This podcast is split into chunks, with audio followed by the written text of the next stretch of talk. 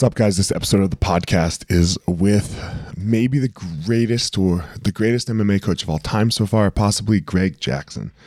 Um, Greg was one of my coaches and somebody that I spent a lot of time with and somebody that I greatly um, clicked with, I would say. Like, we just got each other.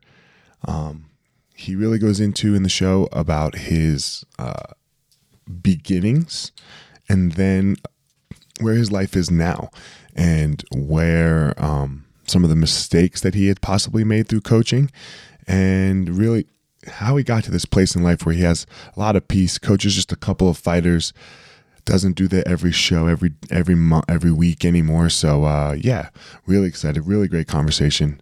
None other than the great greg jackson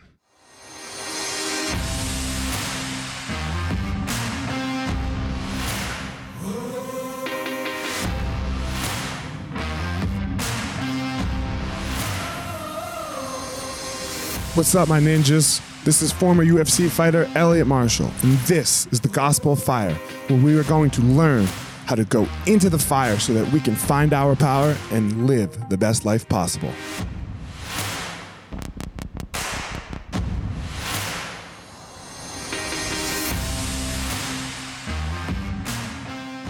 What's up, guys? Elliot here. Um, before we get started, I have started a Patreon account. Patreon is a place where you can go to help support the podcast. Uh, I would greatly appreciate it if you are finding it useful. I have one tier right now um, for the first 50 people.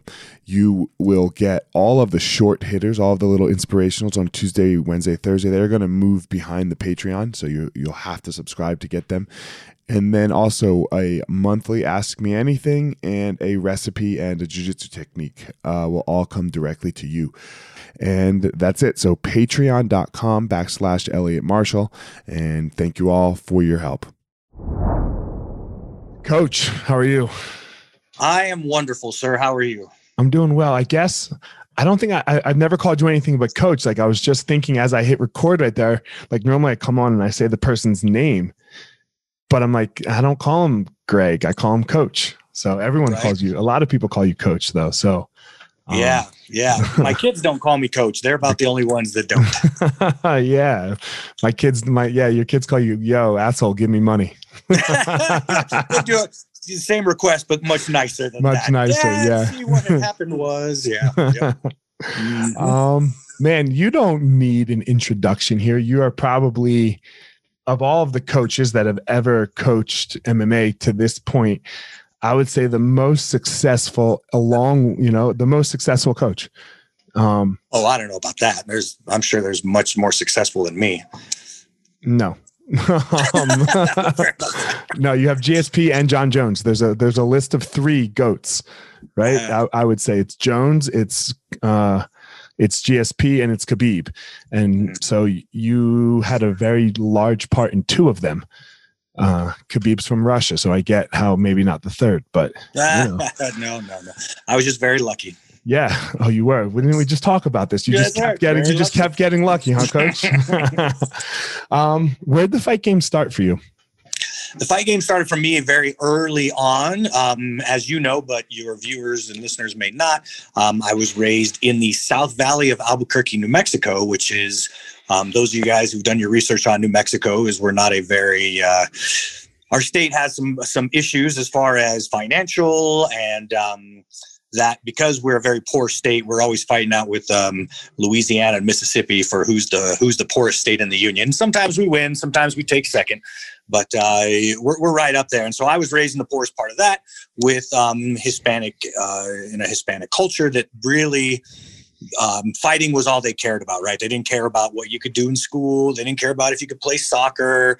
They didn't care about anything except fighting. Um, so I figured at a very early age I better figure this out because uh, getting beat up is not fun at all. So I, I uh, for me, it was just a tool to kind of survive the environment that I was in. So um, the fight game for me, uh, kindergarten, I think, is when I had like kind of my first. Actually, I always tease my one of my oldest friends is Brad Valdez and uh, he comes from a long line of uh, of very scrappy individuals. So I always blame him. I say this whole thing is because of you. He's the guy that really got me, this nice white kid, into into fighting all the time. So that's where it started. So it started there. Did you? When did you start training formally? Oh, that's a good question. Um, well, I guess it's what you what you de- define by formally. So my family's all wrestlers. From my father was an Illinois state champion. He actually uh, took state at the um, uh, he took state at the uh, um, uh, high school where Izzy Martinez, who's our wrestling coach now, took state. They both took state at the same high school.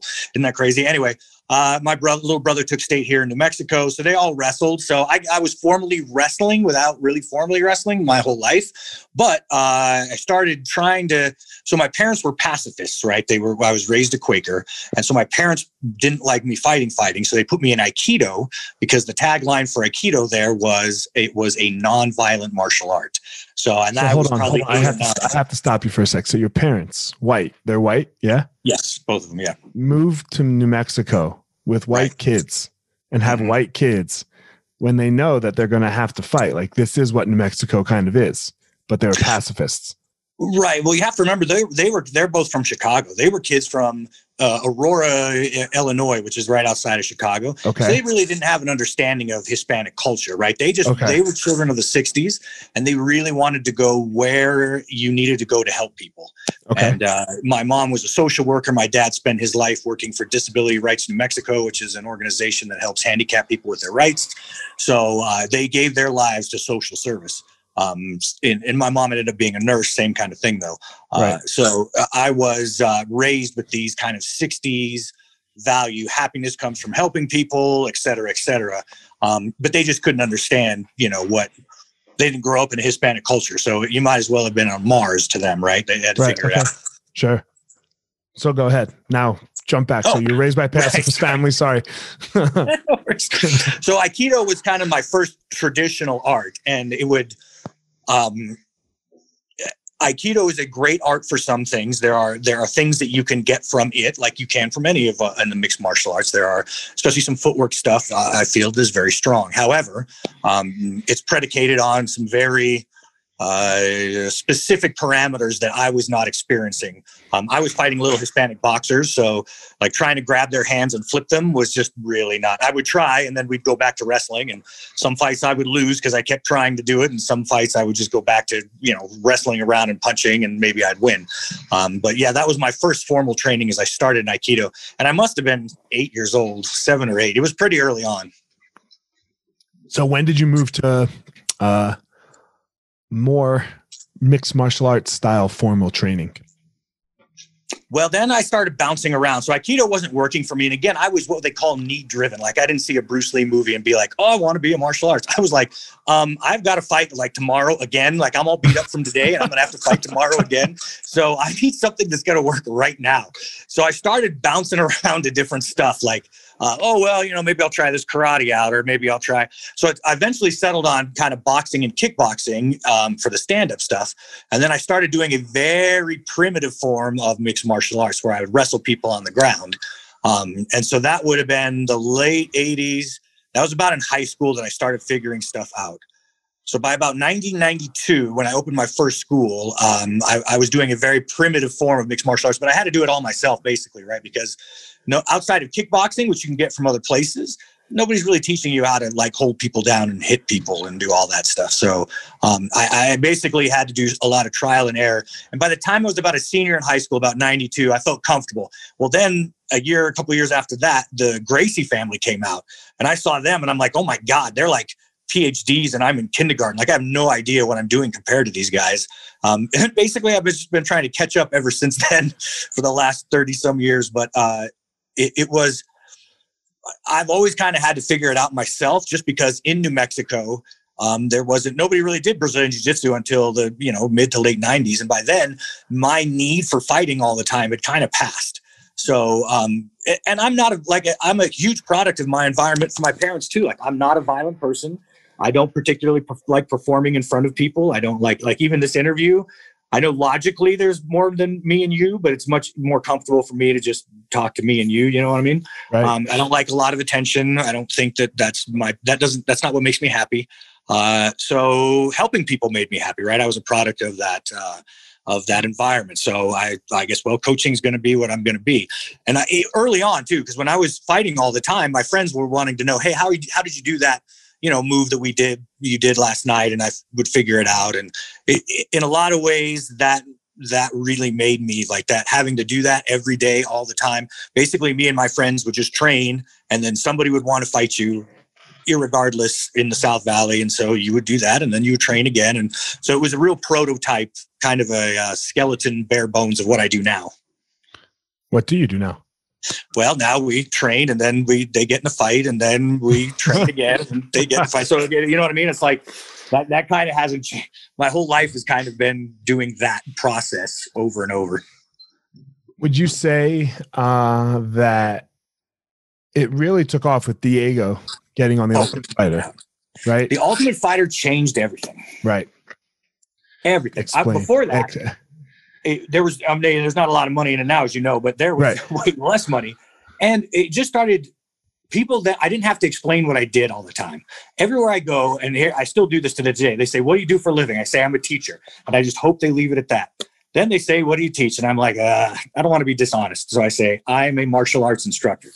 Then they say, "What kind of martial?" So then it just goes down this rabbit hole. Oh, right? we do the same right. thing, right? Uh. right. So because, but now at least they know it. Like back right. then, they're like, and they fight for real, and I'm like, "Yes." Is it boxing? No. You know what I mean? And so after the Ultimate Fighter, not only did we make money, but suddenly people started knowing what I did for a living, which was, you know, coach these amazing athletes. I would say so. You had Diego with season one, right? Yep. Um, and he won it. He won the whole thing. So that couldn't have been like for him and you probably that couldn't have been better, right? Right. No, hundred percent. It was amazing. And then season two, you get Keith. Keith's in yep. there, and he makes yep. it to like the semifinals, right? Right. But then he and Rashad make this connection on the show. Right. And Rashad moves to Albuquerque to do his camp for the finals. That's right. And so now you have the first two Ultimate Fighter winners. That I do. I've I think I've done the first two, and then we had a night when um, Diego Brandao and uh, John Dodson both won it in the same night from our team. I think that was my other kind of milestone right. with the fighter. I don't know if anybody else maybe they have by now, but up till then they hadn't. Uh, both both fighters winning both Ultimate Fighter divisions from the same team. That was cool. same show. Yeah, yeah. On the same show. Yeah. Yeah. That that man, that must have been really cool. That it was a good night. Yeah. it was a good night. How have you done this? Like, how have you? Let Let's go first back to the Diego days, right? Yep. Like the Diego and KJ days, um, when nobody knew who you were. Right? You were in this uh, small well, ring. before that, you're going to have to go back farther, right? Okay, like go back. That in the bare knuckle days, we had um, people like Brad Aaronsfield, Tom Vaughn, Chris Luttrell. All these guys have opened their own schools and, right. done well subsequently. But they though that was my first generation. By the time um, Diego showed up, I had already been doing almost let's see nine six seven years. I had already been doing MMA. So um, that that was those guys were already kind of generation two. Still, nobody knew who I was, if they even know right. now. But yeah, that it was. Uh, that's where it started. Man, I have to say, it's probably one of the cool. That that's so kind of goes in line with kind of how I see it a little bit. And I was talking to somebody else about this the other day. You got to like fuck up, right? Oh, and, so and, and, so many times before this huge light was shining on you, yes. right? As a as a coach, you know, yes. and, and a team like sometimes I feel like that about my personal fight career. Like I had five fucking fights and now I'm in there fighting top 20 guys in the world. Yeah. yeah right. Like it was a crazy section of the sport, right? Where like now a little bit guys get to come up, right? Mm-hmm. Like you, you, there's 150 guys in your division. Yep. You get Take to that. build yourself up unless your star's ready. And if your star's ready, then let it shine. Right. Um, but in That's general, very true statement. I think right? I think you're dead on with that. Especially you, they just threw you right to the wolves. They're like, "Oh, you're a dang good fighter. All right, here you go, fight these animals." You're like, "Holy cow!" Yeah, like, I'm still scared. I was still scared to fight, and I couldn't. Yeah, yeah. I couldn't get over that fear. You know. Right. Right. Right. Uh, there, there was one time. Well. Uh, there was one time I got over that fear. We'll talk about it. Okay. Um. So but so you got to do that, right? Like you were like, okay, that didn't work. Back to the drawing board. Okay, yes. that worked. We'll keep this. We're throwing that out. We're keeping this. And then you know, like nobody knows. Uh, when I say nobody knows, I shouldn't say it like that. Like I know who Chris Luttrell is because I came to Albuquerque, and yes. I know who Tom Vaughn is, and a couple people, a couple other people might know who Tom Vaughn is now, right? Because he's doing his thing. Same thing. With yeah, sure. Right. Um, but you have to really be into the sport to know who those guys are. But you were their coach, and then yep. you got to take all of those lessons, and now here you are. Diego's on the Ultimate Fighter, right? And it's ready, time think, to shine. You would think, Fire Marshal, that I would be a better coach at that point, but I was still making mistakes. I mean, I'm still making like boneheaded decisions. I I try to tell people like my life is a huge series of failures punctuated by like these giant successes and then another huge series of failures. And so like it, you would think that I would have been smart enough by then. And actually, all the grappling competitions, I always say, made me a great coach. The MMA was sparse back then, but everybody you had so many grappling terms. So when we would go to those grapplers quests or whatever, right. that arguing with people, seeing the the point system, figuring out how to get people ready. I really feel like the grappling competitions in the old days uh, when we did well there w- was what made me a good coach. Like I made so many mistakes there that I was then able to take back, if that makes sense. I think grappling makes you. I think for me, grappling made me a good coach, but it's a little slower than striking. Yes. In my opinion. Oh, and, right. And you can actually like coach the moment much better. Right. right? Yes. Hey, hand here, hand there. Right. you can see that, right? That's now, yeah. yeah, you can you can go where then you can take that to striking. Right? right. But I think it's hard to do with striking right away because like that is an incredibly insightful point. Yes, exactly. Holy cow. So smart. So, oh, I had good coaches. Okay. Must so, have been other guys besides me. Uh, yeah, sorry. Um, so, what was it like that first Ultimate Fighter finale? You know, and here's a, a thing about me is when you're living in that kind of history, you don't even realize it's that kind of history, right? Like to me, it was just another fight. And remember that I tried to talk Diego out of that. Like I was, I thought a reality show was and I still am not huge fans of reality shows, but I, I was like, this is dumb. Like, let's go fight in pride. Let's go do real fighting. To me, it was like on a TV, it was going to be like a game show or something. I just didn't understand the impact it was going to have. I didn't understand anything really. I mean, I still don't understand much, but I really didn't then. So I, I, uh, I didn't understand the impact. So when I was there, I was like, eh, another fight, you know what I mean? Whatever. Um, it was cool that the reality show people like suddenly knew who he was um, would ask where he where he learned his stuff from, that kind of thing. That was cool. Uh, but when we did that, I remember the the finale very vividly, and it was for me it was just another like day in the office. I didn't give it the importance that I look back on it now and go, oh wow, that was kind of a turning point for an entire sport. Well, because it probably didn't turn until like so to be clear, right? Uh Forrest Griffin and Stephan Bonnar were on that too. Yeah.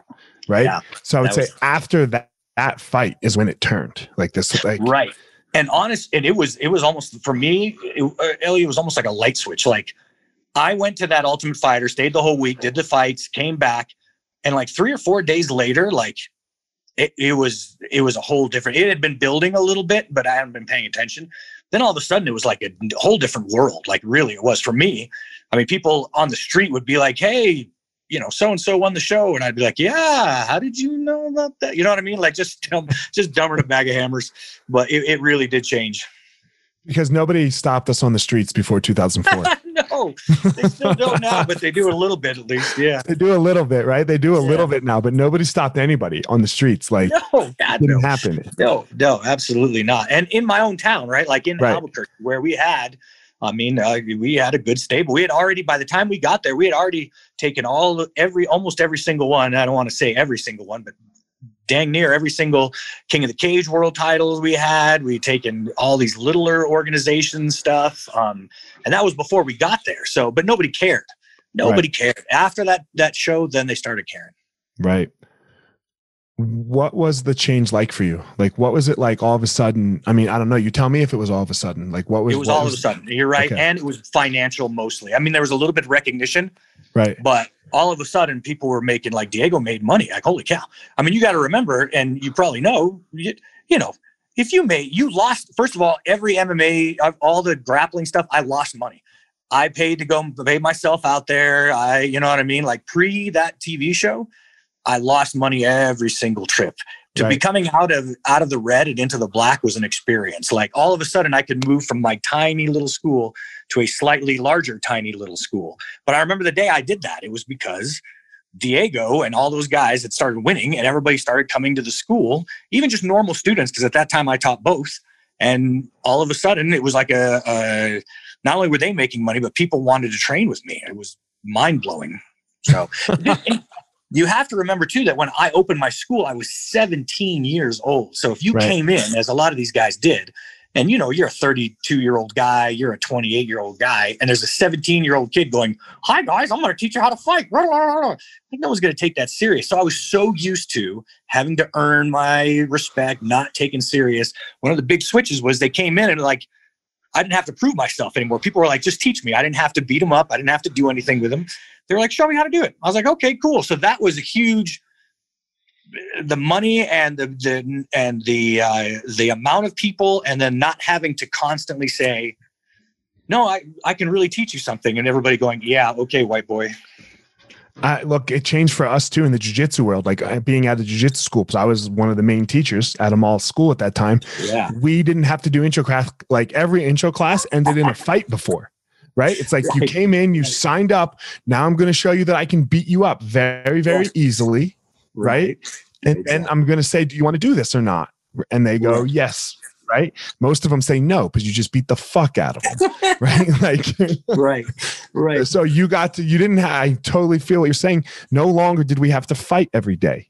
Right, exactly. Yeah, oh, you know? so nice. Oh, so nice. You could just get to, oh, this shit works.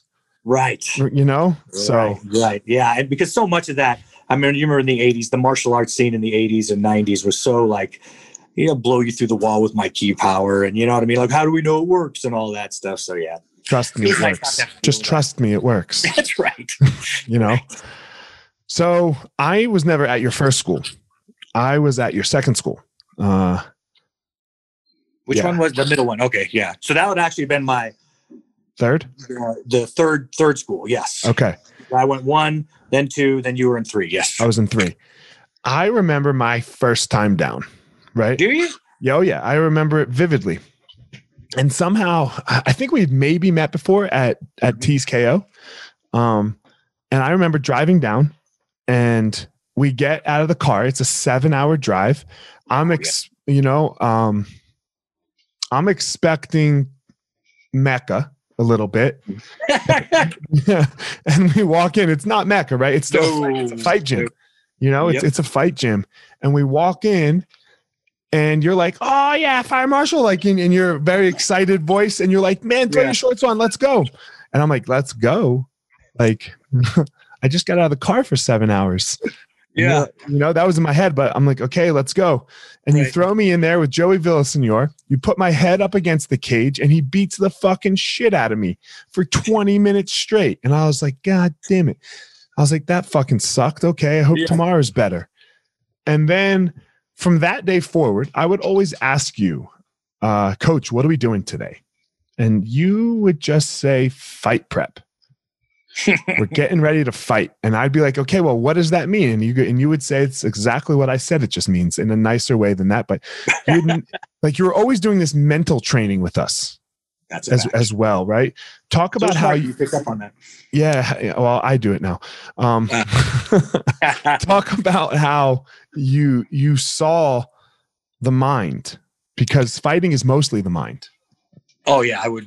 Uh, yes, I couldn't agree with you more there. Um, so what you have I, just reverse engineered it, and and I was thankful that I had my experiences growing up where I had to do it all the time, because then my soul searching, my my mental process, I could then take and give to others. So uh, my big thing was expectations. Right, that almost was a weakness because when you put value into expectation and it isn't met or uh, you, it become you become obsessive over that expectation, then I, I always felt that was weakness, which is one of the main. There's a couple other reasons, but that's the main one.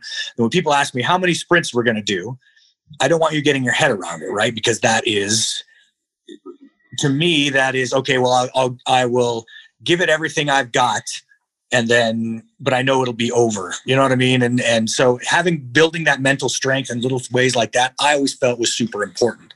Um, I, I so when I was young, I read the the Hagakure thing, the samurai deal about how to always uh, like a samurai or warrior's big deals is to uh, kind of accept death, which is very powerful, I, I think. Um, and I, I, certainly would have a hard time, like, oh, I'm going to die now. I, I, don't think I'm like some enlightened monk that would be like, oh, that's cool. Like, I would be a little nervous about that, I think. But um, eh, the idea there that you can walk out your door and everything can change for you completely at any time had because of my environment that I grew up in was very strong for me. So I felt like if I if I went out the door expecting not to get jumped and to have a great day and then I got jumped and had a ter- crappy day that I would not be a very happy duck. But if I went out there saying, well, maybe I will, maybe I won't, and maybe I'll have to fight like hell today, or maybe I'll meet a beautiful girl, um, that was a lot more freeing for me and i felt i performed better. Both meeting beautiful girls which when you look like this man you got to have some performance. And then two uh, when you when you're fighting you don't not want to be there right? Like you it's okay to be there. That's an okay thing. So i tried to translate that to you guys saying okay don't have any expectations as to what you're going through today. Just give yourself to that process and uh, so that was the kind of the foundation of that which i'm sure you already know. Yeah. I uh, it's interesting you thought you brought up this death thing because i remember there was a time with you that i just had to accept my death. Um i'm serious. I'm serious as all get out. We were running the sand dunes and i had never run the sand dunes. This is my first time running the sand dunes. And i'm not a very good runner. Uh, i hate running actually and not actually. I've always hated running. And we're you know, I don't remember you being a bad runner. I would remember that. Yeah, I was terrible. maybe it was hard for you, but I couldn't tell. Yeah, yeah, it was. Very, it was very hard for me. That that you know, right.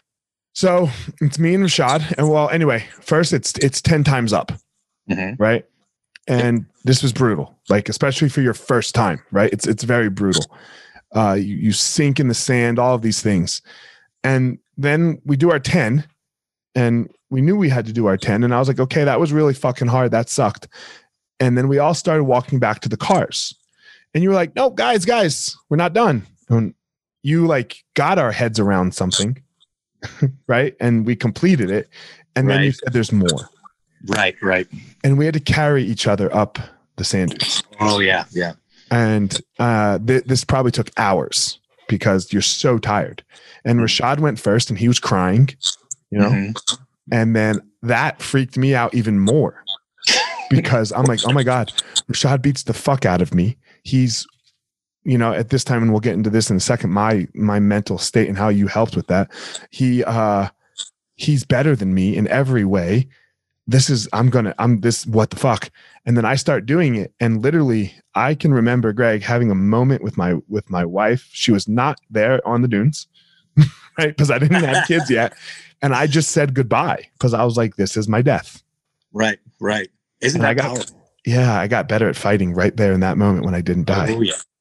Well, isn't that interesting? Because for me, it's always what is going to pull you out of the process of fighting, right? So here's the process. I've got to go through this process. And that samurais had it figured out. What's the biggest thing that can pull you out of that process is fear of death, mortality, right. not giving yourself because in the back of your mind you always want to say well okay you know i i, I still want to live right? Which i think is an important thing to have. But giving not being pulled out by that emotion i think is super super important. Um, and so that was so cool that you, i didn't know you had that moment on the mm-hmm. on the mm-hmm. dunes but i lived for that moment. That to me is a thing of beauty when you when you can accept it and then you didn't quit. You keep pushing on like that. Oh we finished. Oh yeah we finished. Yeah. But that, that was a lot about who you are you know yeah it was the one of the most powerful moments of my life because oh, that's amazing you, you just accepted death and that yeah. but but death is always a possibility always. right it's always a possibility like you said i can walk out of my house right now and I, I mean i have to go pick up i have to go to the grocery store for dinner to get to get stuff later i could i can die Absolutely. It's just not, we're just not faced with it all the time. It's not right, right. on our radar where right. you put it on my radar. So, right. Um, and, but fighting puts it on your radar. oh, yeah. yeah. right. Yes, it does. Especially, uh, uh, the, uh, the extreme way that it's done now. Absolutely. With all the pressure and stuff. Yep. Yeah. It's, it's on your radar. right? You know, right? It's the first thing. So you've dealt with so many of us as athletes, and I can only speak from my perspective. So, how did you deal with someone like, and don't toot my horn here, please, because like this must have been soup. Like Rashad used to hate me for this, right? Like you know what I'm going to talk about here. This idea of someone always being better than me. Like, okay, I can't fight that person now because they're better than me now. I'll get there someday, you know? And Rashad was like, Elliot, man, fuck you, dude. Fuck you. How can you fucking think like that? Like, no. But you you never got angered with me for that. Like you would just talk to me about that. But Rashad didn't need that talk, maybe. How did you deal with so many different humans that are needed, so many different things? Well, I mean, yeah, I didn't always do the best job with it, but I, and I still try to do the best job I can um, with my limited abilities. But I will tell you this: what you have hit on is a fundamental, in my opinion, a fundamental process of uh, in the process of being a human. So, what does that mean? Well, for me, everybody has their their uh, what you went through is very similar to um, in South America, some of the the uh, the native tribes down there have when you become a from a boy to a man, right? You have to go out in the woods and or in the jungle there, and you have these certain things you've got to do, and sometimes they do hallucinogens or whatever it is.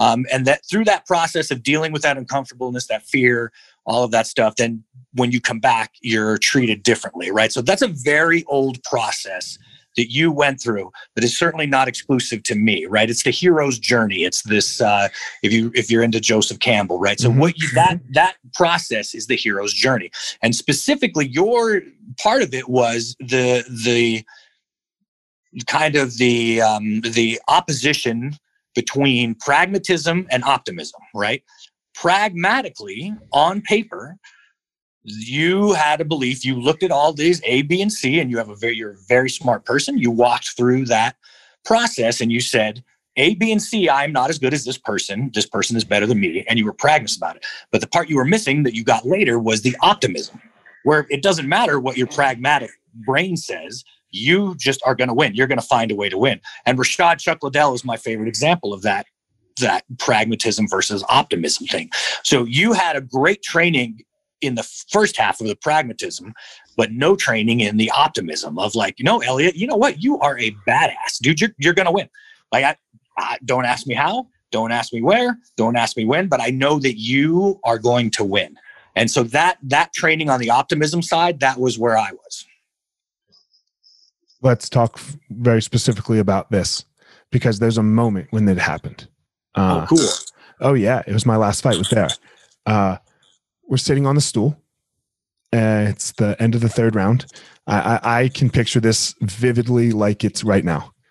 Um, it's chaos, right? It's fights chaos. And you put your hand on my right leg. You put your left hand on my right leg. Okay. And you look at me and you go, Fire Marshal, super calm. This might be it. This this could be your last round. Can you give me everything? And like like you, you said everything. Just just let it all hang out because who cares? Right. And i got this overwhelming peace. Wow like, really? oh yeah. It got super clear. It got super clear. It got super quiet. I had this rush through my whole body where everything just went all of the pressure left.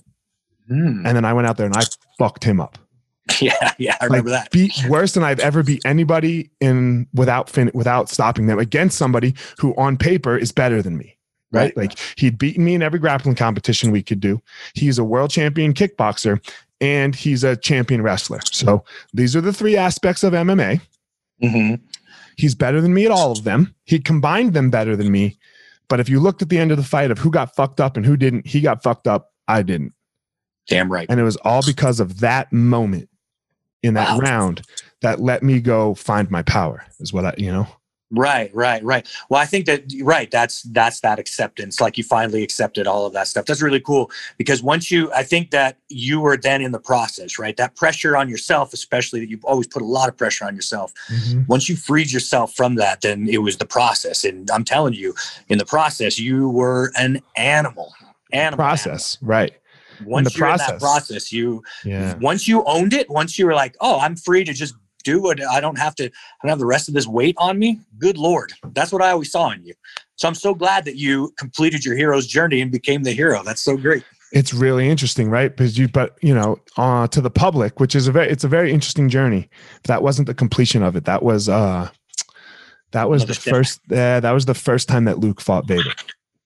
Ah, you know Right. for me i would say Right. right, that was the first time that the, the journey ended with my anxiety because i uh the the reason that that was so that moment was so important to me was because it like the real fight was with elliot it wasn't it wasn't with it wasn't with anybody else so it was with me so that Right. was a piece of the of the journey that was a big piece that i could see that i could put something over here you know oh, great. just good. no so um Sorry, that was presumptuous of me to say that. no no then, it's okay you light switched it. Yeah. No, no, because I didn't light switch it. Uh, I light switched it. I didn't. It, it happened later, uh, Right. Much later. You do this for so many people, though, right? You do. You you are this guide. So, I mean, let's let's look at Johnny Jones, right? Uh, who, I mean, nobody's seen a talent like him ever, Right. right? Like, For sure. in my opinion, it's him and Khabib. That that Mhm. those are those are the two. What George did coming back was uh amazing, right? Yeah. Amazing. Coming back to beat Bisping in the fashion that he beat him was amazing. Um but Khabib and Jon Jones have never lost. Right. right? Right. And no one's even no one's even gotten that close, Right. right? Kind of close, but not that close. Sure. Sure. Sure. Um what's it like to work with that kind of an athlete? Um, so it's actually really funny that you you bring there. There are similarities between you and him that I see in that when Jon fights fearless, when Jon goes in there and is in the process and is super creative and uh, ha- has that freeing moment. Like nobody on earth is going to be able to beat him. Like he, when he's flowing and trying ideas, and he'll do stuff to drive me crazy. Like I remember when he fought Rashad and he jumped guard. I was like, what? I mean, you know me. Uh, what I preach with you guys is your guard should be your best position you never go to. Like that should be your number one awesome thing. And if I never see you there your whole career, I'll be a happy duck. Right. Um, but he he would do. He was so fearless that the one position that I said don't go to, he would go to. So that that kind of fearless creativity is is what makes him special. Like his ability to get into that process and really. And so the fights he doesn't do well in is when he doesn't have. He does that to a lesser degree, right? He doesn't have the ability to to switch up on that stuff. He's always because, in my opinion, he's the greatest. He's always great, but when he's really great is when he has that somehow he finds that process and is able to just do what you did in in that last round there right like that that to me is what the the exciting and fun thing to see him do is when he can just one minute he's flying kneeing then he's grabbing your hands and elbowing you then he's doing some weird like thing where i'm like he's crawling at you i don't know what the heck he's doing. I'm like what is going on here? That's cool.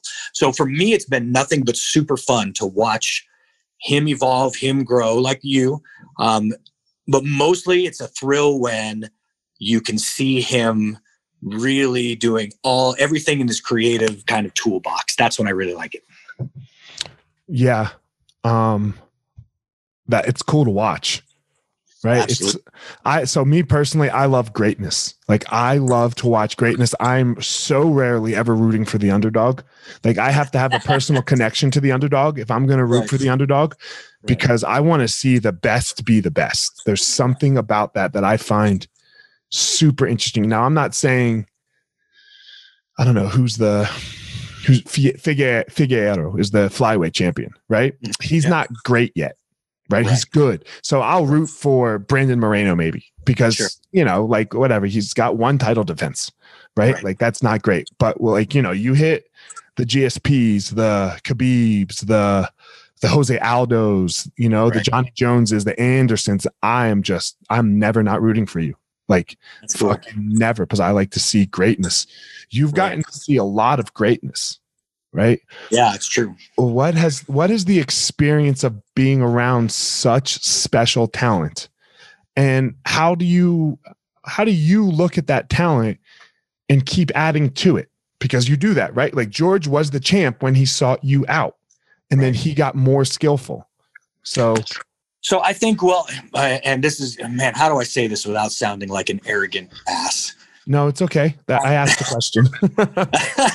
I, I don't see, okay, and this, I'm going to get torn up for this, but I okay. don't see, I logically, I know that they're very talented but to me and i want to work with them and they make my job easy but i just love doing what you said. Like so if it's you let's say when you came in i was excited to add to your game.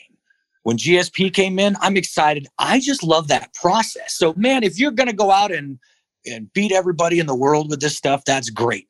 But i really like whoever you are just training you to add to your game to figure stuff out. Like that's that's the part that's fun for me right? The fight is stressful and i and i like when i've studied enough tape and you can kind of see the future because you've studied the guy so much you know what his attack patterns look like and that's a real thrill because you can tell the other guy there's thrills in it.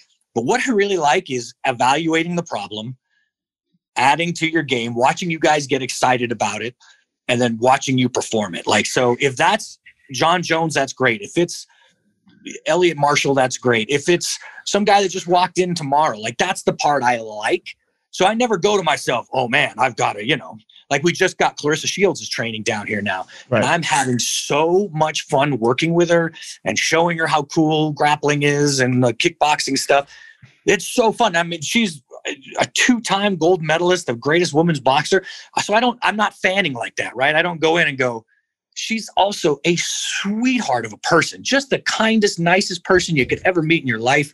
And that's what I uh, appreciate the most. And she's receptive and easily coachable. That's the fun for me. So it doesn't matter if it's as much. I mean, obviously, financially, it matters because I'm able to feed my family much more with a Jon Jones than I am with a guy that just comes off the street and I have to prioritize my time. I mean, obviously, there's there's uh, mitigating factors in that but really i just love doing it so i never thought to myself wow george st pierre is one of the greatest mma fighters i mean logically i thought that but i was never uh, intimidated by it or i would never be like i've got to really be on my game just because i love it so much I, I, really enjoy doing it. I don't. I, don't know if it's coming across the right way. If I'm, I'm not. Gonna help. Uh, yeah, no, it comes across the right way to me, just because I know what the truth is. Um, I'll help it. So there was a time when I got kicked out of the UFC. I was cut and um, so I was in the UFC. You had all UFC fighters and people that lived in Albuquerque, and maybe you had others. I don't know, but uh, I had a I had a fight, and it was like the fucking Ring of Fire again. And you drove up, or you flew up. I don't remember which one you you did, and you came, and then I tried to pay you afterwards, and you were like, no. like you're not and i'm like i'm so dumb. I was like what do you mean no? Like you like it's i know it used to be like 20 and 20 and now yeah. it's you know four and four but you know and you were just like no it's not why i do it. So and it was this little rink dink thing and you wouldn't let me do like nothing. You wouldn't take the money. You were like look you came to albuquerque throw wink some cash you know? And i was like okay you sure? And that was it so it didn't have anything to do for you because it was it's the fucking ring of fire. You probably had to leave right away to go to the UFC the next day because that mm-hmm. was when you were all you know all the time. Oh yeah. So, um, yeah, that was uh that was very special. Like to me as the athlete, saying, "Oh my god, he really like he." Because you, you never know about a person till they really preach what till their actions till they're in the moment, right? And their actions have to line up with what they say. Sure right? And then I mean your actions lined up with what you said. Like you you're at my nothing fight. You know, and then well, you're at my no nothing fight is a big deal to you. So right. Big deal to me. Right. Um but that that goes with what you just said. Claressa Shields or you know, Elliot Marshall in a fucking rink dick. Nothing, you know?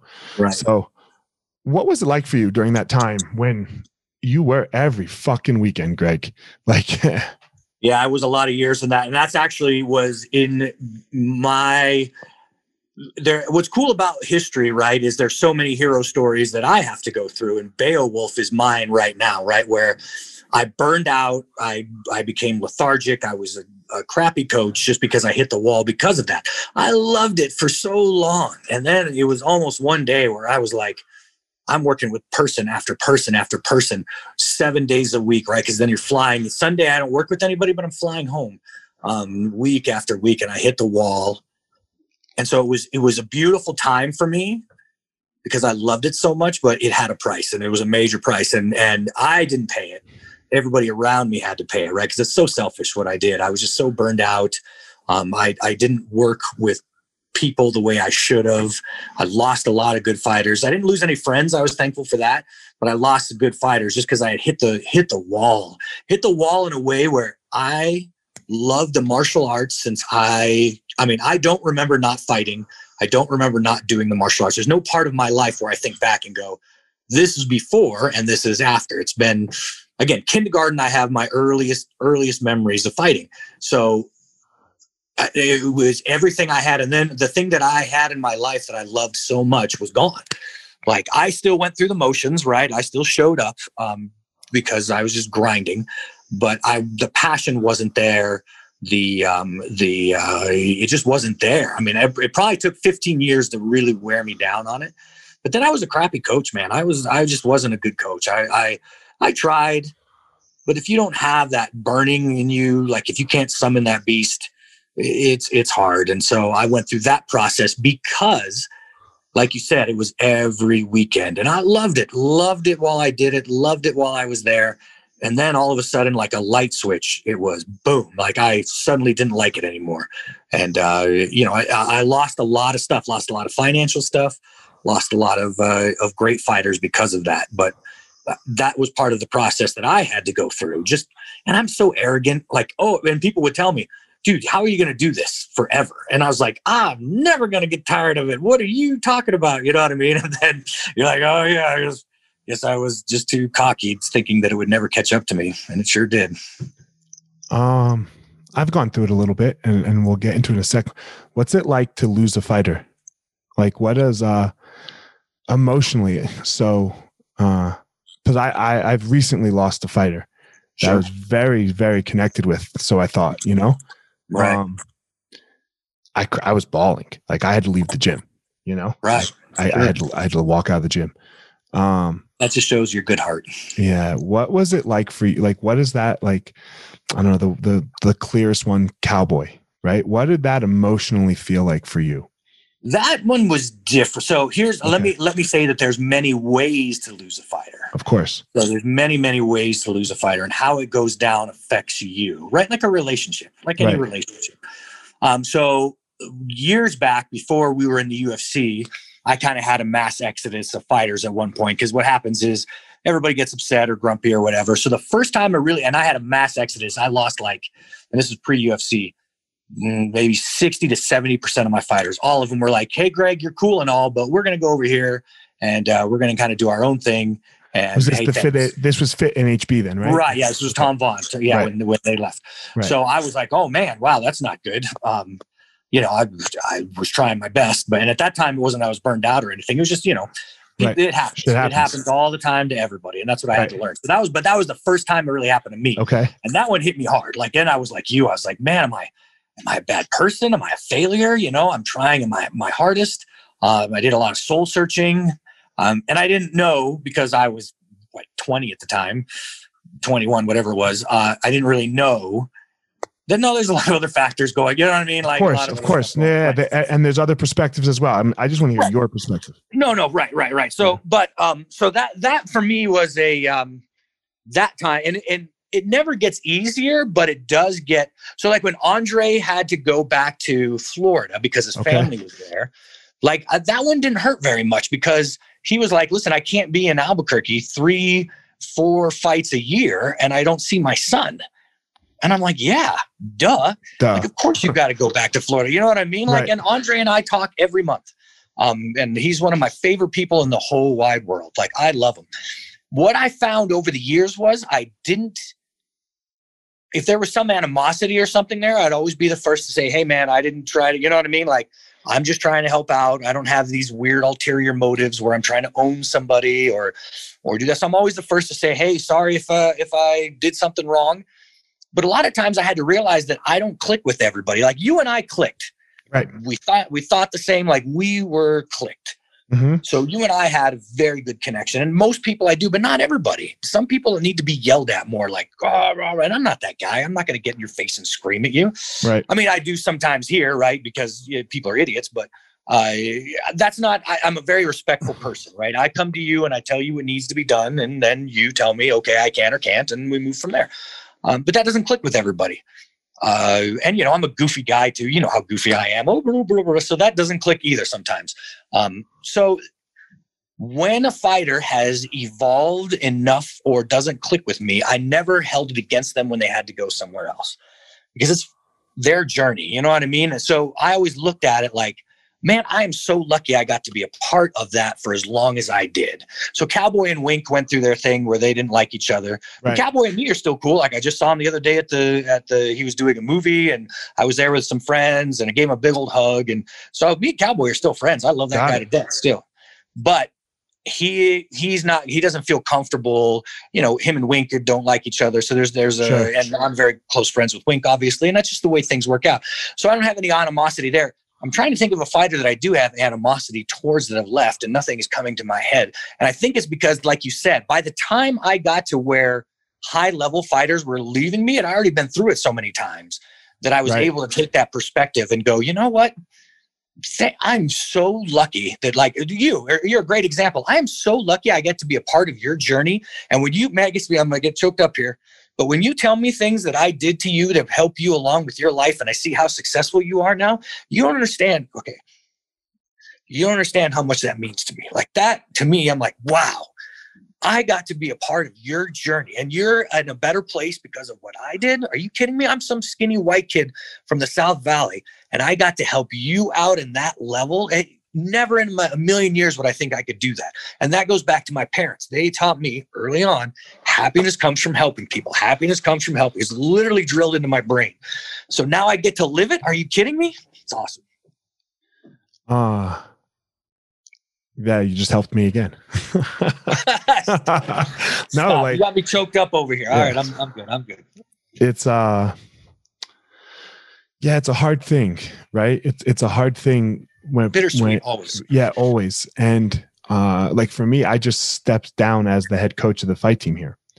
Mm-hmm. Uh, because I wasn't because I, I, I hit a wall. I I like instantaneously right. hit a wall, and I wasn't even traveling all the time. I was just that doesn't matter though. It's everybody's yeah. different. I had I was I had uh I had to deal with all of the coaches bullshit, right? Right. Which I was just like, okay, done. Yeah, right? Like, right. like it was like, oh my God. And and I just told I told myself, I was like, okay, I'm gonna give it three months. And if I still feel this way, I'm out. I'm fucking out. You know, right. and and now I have like two fighters, two or three right. fighters. Right. And man, I work with them. Uh, it's like I feel so connected. Like that's great, man. You know, it's man. I'm, I, I feel like I'm doing a better job. You know, than well, how much smarter are you than I am, right? Because I just kept grinding it out. Like you're so honest. I really appreciate, especially with coaches, the honesty of that. Like you were honest with yourself. I didn't. I kept trying to just push and oh, if I just keep going, maybe I'll find it again. And you have so much more wisdom than I did, and you were so much more honest than I was. You're like, no, no, no, I'm burned out, so I'm going to take this step back. That's how what I should have done, and I didn't do it. Uh you get. I got to like I said, I had great coaches. Mm right? Mm.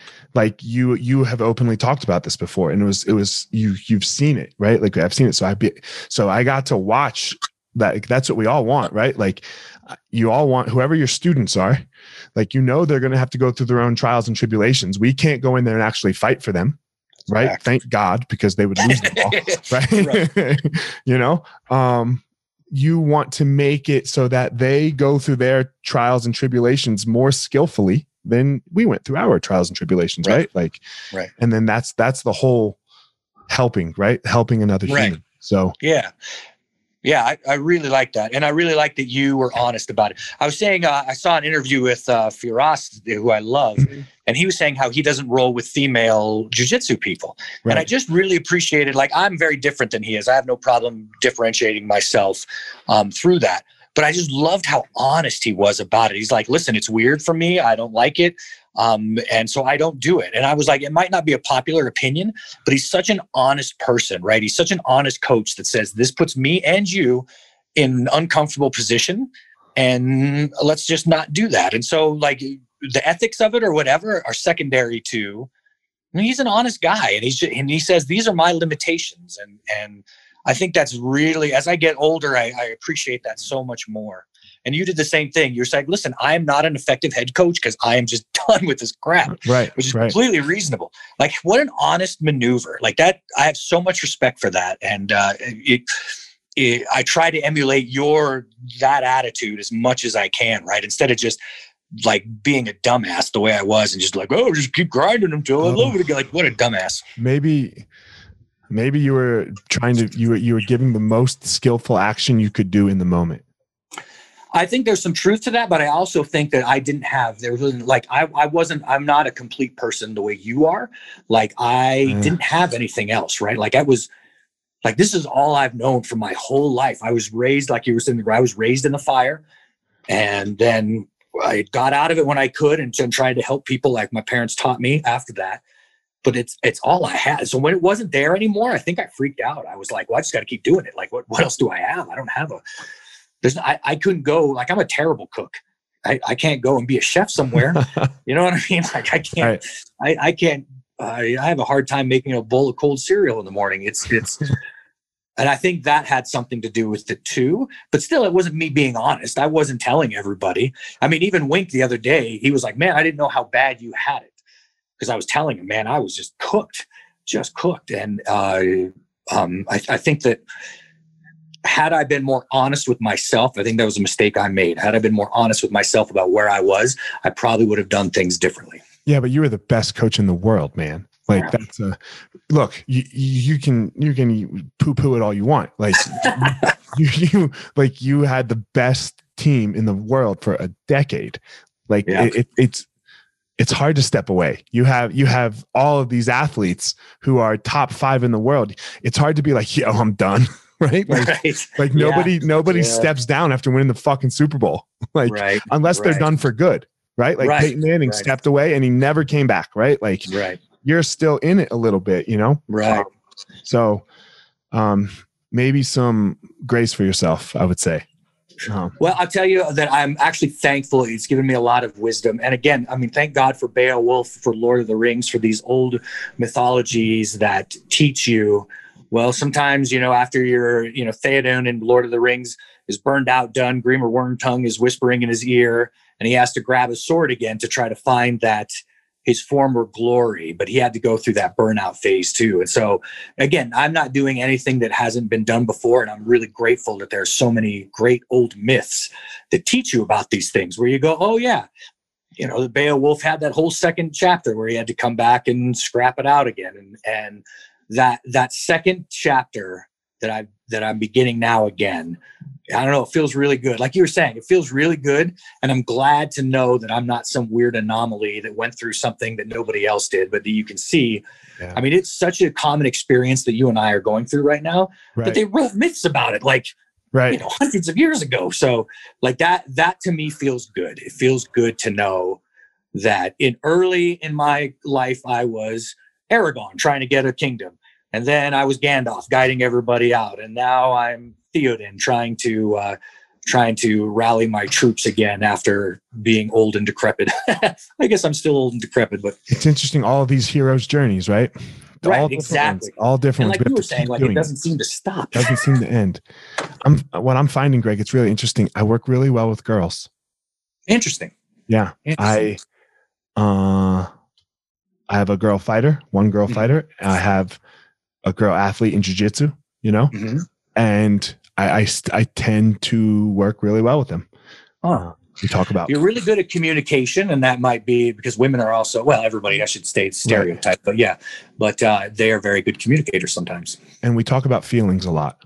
Right. Like, this is something that I've started. Like, how are you feeling? Because Right. everyone goes, "Oh, I'm feeling good," and I'm like, "Nope, that's not a feeling. Good is not a feeling." right? Like, That's yeah. You're not wrong. you know, that. what I learned so- about female fighters early on is that, especially with Holly, is that they will cry all the time, and you don't say boo about it. Like if if you try to stop a sparring match that Holly's crying in, she will kill everybody around her. Right. Just let her go. They, they'll cry and they spar, and that's We'll what get they through it. get through their emotions. Yeah. Right. Yeah. Interesting. Very interesting. So I've, I've been trying. What I've been trying lately is getting those emotions out first.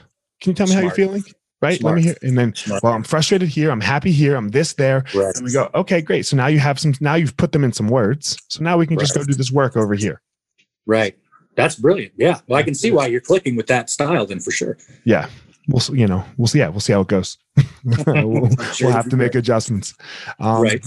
man as we as we close here greg uh i you and i clicked you said it you know uh it worked you guided my life in a time when my life needed some guidance and where re- i don't even know that you like you didn't really get to even see the the real payoff because there was no there was no title at the end you know for of my ufc career or anything like that there was not a lot of fucking money at the end of my ufc career by the end of it but there there is this Elliot that exists in the world today. And I don't know that this Elliot would exist without the experience of Greg Jackson. So, um, Oh man, you could not say I don't really care about the money. Like what you Yeah. said right now is going to hold me on for about another decade. If I feel bad, I'm going to look at this podcast again and go, like, I got one. I got. I helped one. one, right? You got you. That's, that's all I need, man. That's, That's all we need. Saying so. Yeah. That's such so, a. You have no idea how much that means to me. That's amazing.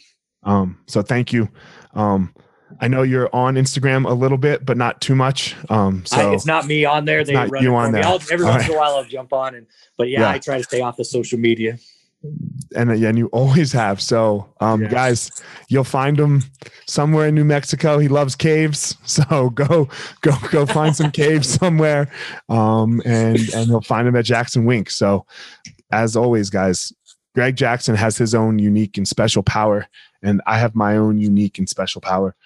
Don't try to be Greg Jackson. Don't try to be Elliot Marshall. You go out there and you find your own power. All right, everyone. Thanks for listening to this episode of The Gospel of Fire. If you enjoyed the episode, I'd love a review on iTunes or wherever you are listening to this podcast. Don't forget to follow me on social media at FireMarshal205. If you are a BJJ enthusiast, check out my YouTube channel. I put all kinds of instructional DVD uh, videos out on there, so go check it out. My book is still out on Amazon by the same name as the podcast, The- Gospel of Fire. So if you are interested, go check out that. And most importantly, guys, go out there every day, find your power. Thanks a lot. Guys, look, I get it. I totally get it. You opened a martial arts school, and man, it's kind of crushing you. There's all this other stuff to do other than teach, right? You love teaching. You love jujitsu. You love Muay Thai. You love karate. Whatever it is you're you're teaching. And man, but there's all this other stuff. There's there's the front desk. There's there's taxes. There's curriculum. There's cleaning. There's there's problems, staffing, covering. Whew, man, it's so much. It's so much. Well, let me tell you, uh, we have started what's called Easton Online, and Easton Online is here to solve all of these problems for you. Easton Online is a digital academy for martial arts school owners and managers. Will help you establish or enhance your business with best practices. Most importantly, we're going to help you get back to what it is that you love most teaching and doing martial arts. Okay, so for more information, guys, go to easton.online. Again, that's easton.online. Add your email. You're going to get notified about the course launches. Our first course is going to be all about the first impression specialists, your front desk, and all kinds of stuff, special offers, promotions, as well as we started a podcast by the same name, Easton Online, that's gonna talk about our process of how how we went from a tiny little martial arts school to what is now seven martial arts schools, seven Brazilian Jiu Jitsu Muay Thai schools, um, in a very holistic way that we believe um, kept the integrity of the art and also deals with its people very well. So again, Easton.online, enter your email and you're gonna get all you're gonna get everything you need right there. So thanks guys.